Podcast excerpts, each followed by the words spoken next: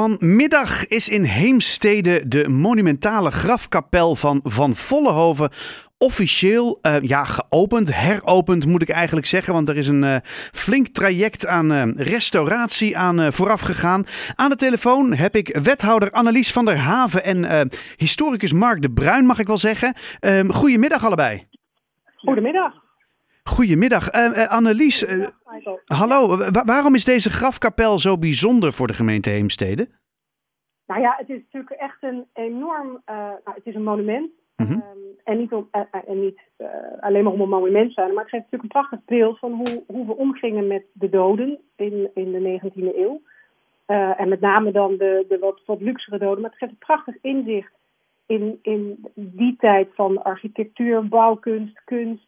Dus het is veel meer dan dat. Het is niet, niet alleen maar een, een, een hutje waar iemand in begraven is. Het is echt een kunstwerk. Um, en daar moet je goed voor zorgen. Ja. En in die zin past het ook helemaal goed bij, bij ook het, uh, het, het, monumentale uh, begraafplaats. Daar hoort het ook bij. Dus in die zin, ja, dat, dat, daar moet je koesteren. Daar moet je ook iedereen eigenlijk van laten genieten. En dat kan nu ook. wel onder toezicht, want het is natuurlijk wel een kwetsbaar monument. Maar we zijn er hartstikke trots op dat we het zo in prachtige staat hebben kunnen herstellen. En dat het ook met wat high-tech ingrepen ook nog uh, voor de toekomst nog beter behouden kan worden. Um, nou, dat eigenlijk. Nou, en, en dingen van, uit het verleden voor de toekomst behouden willen houden, daar zal Mark de Bruin heel blij mee zijn, denk ik. Ja. Mark, hoe sta jij daar tegenover? Ja, klopt. Ja, weet je, het is inderdaad een heel bijzonder monument. Want het is eigenlijk een soort van Romeins tempeltje. Maar dan denk je altijd bij een Romeins tempeltje, dat is dan een ding wat wordt gebouwd uh, met marmer. En dit is juist een tempel in baksteen. Hmm. Dat maakt het echt heel apart. Daar zijn er van dit soort tempeltjes eigenlijk gewoon ja, vrijwel nauwelijks voorbeelden van hier in, in Nederland aanwezig. Sowieso nooit gebouwd, nooit, nooit overgebleven. Nou, hij staat dan op de begraafplaats in, in Heemstede. En er zit gewoon een heel rijk verhaal achter van de mensen voor wie die, die grafkapel is, is gebouwd. En je moet je ook, het, heet ook echt een grafkapel, dus je moet je voorstellen. Het is een tempel aan de bovenkant en eronder zit een grafkelder. En in die grafkelder liggen, de drie, liggen drie mensen begraven, waaronder dan degene die het initiatief heeft genomen voor het bouwen van de, van de kapel. Dat was een rijke familie van, van bierbrouwers, van Vollenhoven bier was in de 19e eeuw was dat een grotere brouwerij. Het was de grootste brouwerij van Nederland in, uh, in Heineken. Mm Ze waren heel erg beroemd door het brouwen van, dat heette Van Volhovens Stout. Dat was een extra uh, sterk bier, ja, een beetje Guinness-achtig uh, van het hele zwarte dropwater. Maar dan ook medicinale aspecten aan verbonden waren. Het zou goed zijn voor je gezondheid. De familie verdiende heel veel aan het brouwen van dat bier. Ze was een hele rijke familie. Nou, die zoon Maurits, die had TBC, dus die is niet oud geworden. Die zag aankomen dat hij niet oud zou worden. Dus die heeft toen opdracht gegeven voor het bouwen van die, van die kapel. Hij, had, hij woonde in Haarlem ook, had hij ook in zijn huis aan het bolwerk was dat, had hij ook een soort kamer ingericht waarin hij ook experimenteerde met behulp van dokters met zuurstoftechnieken. Mm -hmm. Omdat je natuurlijk met TBC heb je het steeds benauwd. Hè? Dus je probeert ook gewoon je, je, eigenlijk ja, je uh, je, ademhaling probeer je dan te verbeteren. Nou, Michael Jackson geloofde daar ook heilig in, dat zuurstof goed, goed effect kon hebben op je gezondheid. Mm -hmm. Nou, Maurits heeft het niet, niet, niet gehaald. Die is met zijn 25 is die overleden. Toen was die grafkapel was, was gebouwd. Dat was voor die tijd een, een enorm duur gebouw. Uh, dat zie je ook gewoon. Het is een mooi luxe gebouw met veel marmer aan de binnenkant. Hij is daarbij gezet in, in 1885. Zijn vader is er later bij gezet in 1888 en nog veel later is in 1928 is de vrouw van Maurits is daar ook in, in bijgezet. Dus in die kelder staan drie kisten. Die maken onlosmakelijk deel uit van het verhaal van die, van die familie, van die brouwerij. en die kisten zijn ook, net als die kapel, helemaal voorbeeldig gerestaureerd. En, en normaal is het zo met grafkisten dat zijn eigenlijk verbruiksgoederen. Ja. Die, die zijn bestemd om ja, gedurende een bepaalde tijd dat lijk daarin opgeborgen te hebben. En dan vergaat het op een gegeven moment. En als dat dan geruimd wordt, dan worden die kisten vaak ook gewoon, ja, die worden verbrand. Maar ja. nu heb je dan zeg maar drie tip-top gerestaureerde kisten. uit 1874, uit 1885 en uit 1928. En die, ja, die staan daar weer gewoon 150 jaar uh, spik en span uh, bij. Uh, en ja. dat is wat Annelies ook aangaf. Er zijn voorzieningen aangebracht om ervoor te zorgen dat de stand van die kisten qua temperatuur en vochtigheid, dat lezen we op afstand lezen we uit, kunnen we bijsturen. Dus dat is echt, uh, voor Nederland is dat een uh, redelijk uh, uniek iets. Nou ja, en ik begreep ook dat dat, hè, nou ja, wat, wat je net al zei, dat hij van Vollenhoven nogal druk bezig was met allerlei ja, technische snufjes eigenlijk gericht op gezondheid. Maar in dat opzicht is het wel weer een mooie continuering daarvan. Ja, ja klopt. Eigenlijk wel. Lijkt het inderdaad ja. op. Ja, en ik begreep zelfs dat uh, Van Vollenhoven dat hij bij zijn overlijden een, een, een, toestel aan zijn lichaam wilde verbinden, waarmee hij een bel kon laten luiden in het geval dat hij schijndood was. Ja, ja dat, is, schijnt een soort, dat weet Mark misschien beter, maar dat schijnt inderdaad ja. een soort halve legende te zijn. Ja. Mark? Ja, ja je, moet, je moet je voorstellen zeg maar, dat het, het bouwen van die grafkapel in uh, 83, 84, dat kreeg aandacht in de pers en dan zeg maar een verhaal wat in één krant uh, voor het eerst, Algemeen Handelsblad, voor het eerst is verschenen. En daarna in allerlei andere kranten is overgenomen. Tot aan de Java-bode toe, dus in, uh, in Nederlands-Indië. En dat was inderdaad dat in die kapel dat er dan een toestel zou zijn uh, gemaakt. Dat als de persoon voor wie de kapel gebouwd was, voor Maurits, als hij dan dus schijndood was. dat er dan zeg maar, als hij weer een beetje bij zijn bewustzijn zou komen, dat er dan via touwtjes, dat er dan ergens een belletje zou gaan rinkelen en dat hij dan op dat moment weer uh, gered zou kunnen gaan worden. Maar die hebben jullie niet gevonden, dat, dat apparaat? Nee, nee, nee dat hebben we niet gevonden. Dat is een beetje ook een luguber verhaal. Ja? Maar je moet je ook voorstellen dat hè, die kapel is gebouwd dan in 84, 1884, maar is in 1925 is er een uh, restauratie geweest waarin ook in die kelder uh, hele mooie betegeling uit Spanje is, is aangebracht. Dus misschien is op dat moment is die installatie is hij is de bel weggehaald. Is de bel weggehaald, ja. Als, als, als hij zelfs ooit al uh, bestaan heeft. Zeg. Ja. Maar, maar je, het was dus wel zo in de 19e eeuw dat men uh, echt angst had voor schijndood. Ja, dat, ja tuurlijk. Uh, dus, dus, dus dan, en dan kon je dus op deze manier kon je dat dan dus blijkbaar. Wat een bijzonder verhaal hoor. het is dus echt wel een, een, een, een kapel met een verhaal. ik, ik lees ook dat het proces hè, van restauratie meteen als inspiratie kan dienen voor andere gemeenten. hoe zit dat, Annelies?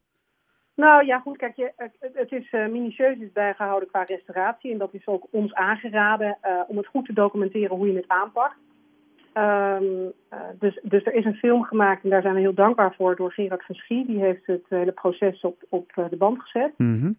Um, en je, kijk, het is um, best een heel bijzonder object is het. Ja.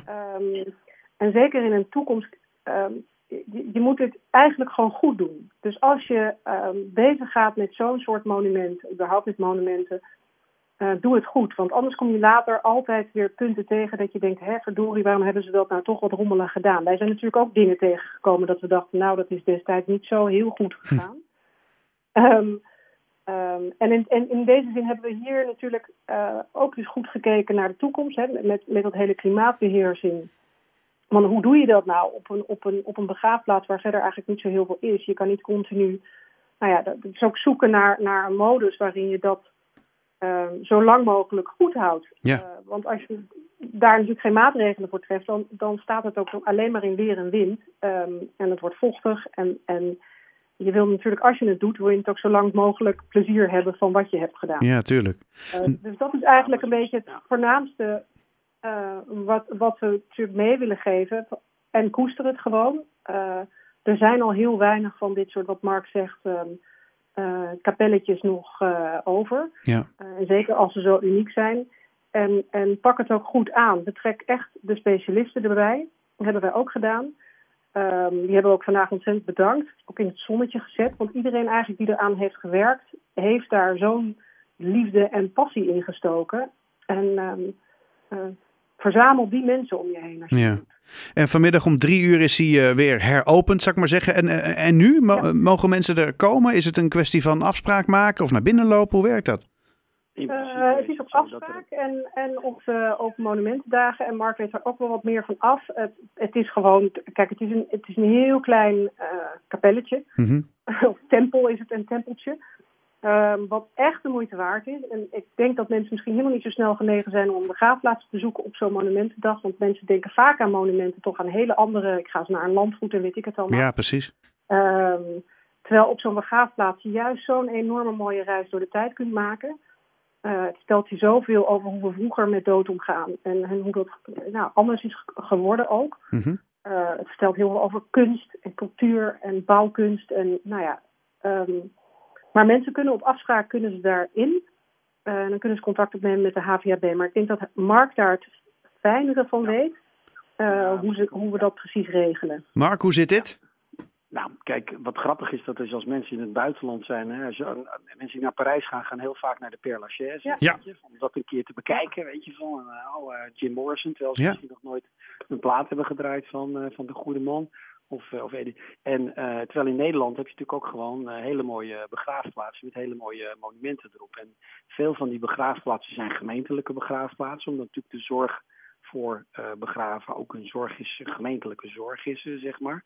Dus wat je ziet, dat over het hele land heen zijn er gewoon uh, bijzondere monumenten. En in het geval van de grafkapel van Van Vollenhoven, wat Annelies ook zei, is het gewoon zo dat er een hele goede samenwerking is geweest tussen ons als historische vereniging. Wij hebben het onderzoek gedaan hoe de kapel in elkaar zat, wie erbij betrokken zijn geweest, hoe het verhaal van de familie was en zo. En zo kon je ook gewoon inderdaad richting uh, de gemeenteraad duidelijk maken waarom het zo noodzakelijk was dat die kapel behouden bleef. En vervolgens heeft de gemeente dat ook weer perfect opgepakt met het uitzoeken van de juiste partijen voor de restauratie van de restauratiearchitect, een goede restauratieaannemer. Uh, en ook voor de restauratie van die grafkisten ook. Ja. Uh, Inske Immink, echt een, een, een heel bijzonder iemand die dat op een uitstekende manier heeft, heeft gedaan, haast op olympisch niveau. nou, die kapel is dan op bepaalde gelegenheden geopend. Ja. We hebben uh, op donderdag 3 juni en vrijdag 4 juni zijn er uh, ook weer uh, mogelijkheden om dan te bekijken. En dat, ja, dat is wat uh, Annelies ook zegt, een beetje op afspraak. En want het kan natuurlijk ook gewoon zijn dat er op dat moment uh, ook echt een daadwerkelijke begrafenis Ja, die moet je niet verstoren natuurlijk. Nee, en het, en het idee is dus op die donderdag, en dan is het gewoon inderdaad van, nou dan geef ik een toelichting, uitleg over het verhaal van de kapel uh, in de aula. En daarna gaan we dan dus vervolgens de kapel en ook, en ook de kelder in.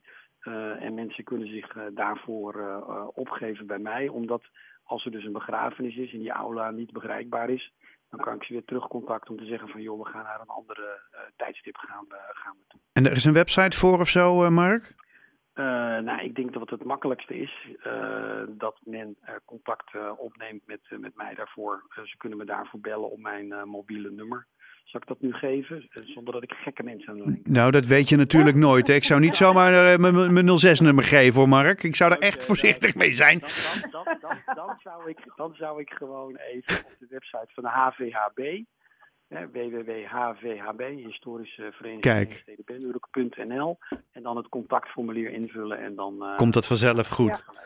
Wethouder Annelies van der Haa van Heemstede en uh, historicus Mark de Bruin. Wij moeten naar het nieuws van half zes helaas. Ja, ik kan hier uren over doorpraten. Ja, dit is ook hartstikke leuk en ga vooral een keer kijken. Zo ja, het ziet er echt heel mooi uit. En anderen ook, ga vooral kijken, want het is echt gewoon wel een, uh, nou, het is gewoon wel een bijzondere reis die je even maakt. Zo is het. Um, en een bijzonder verhaal wat erachter zit. Dank jullie wel voor je toelichting en uh, een hele fijne avond. Okay. Yes,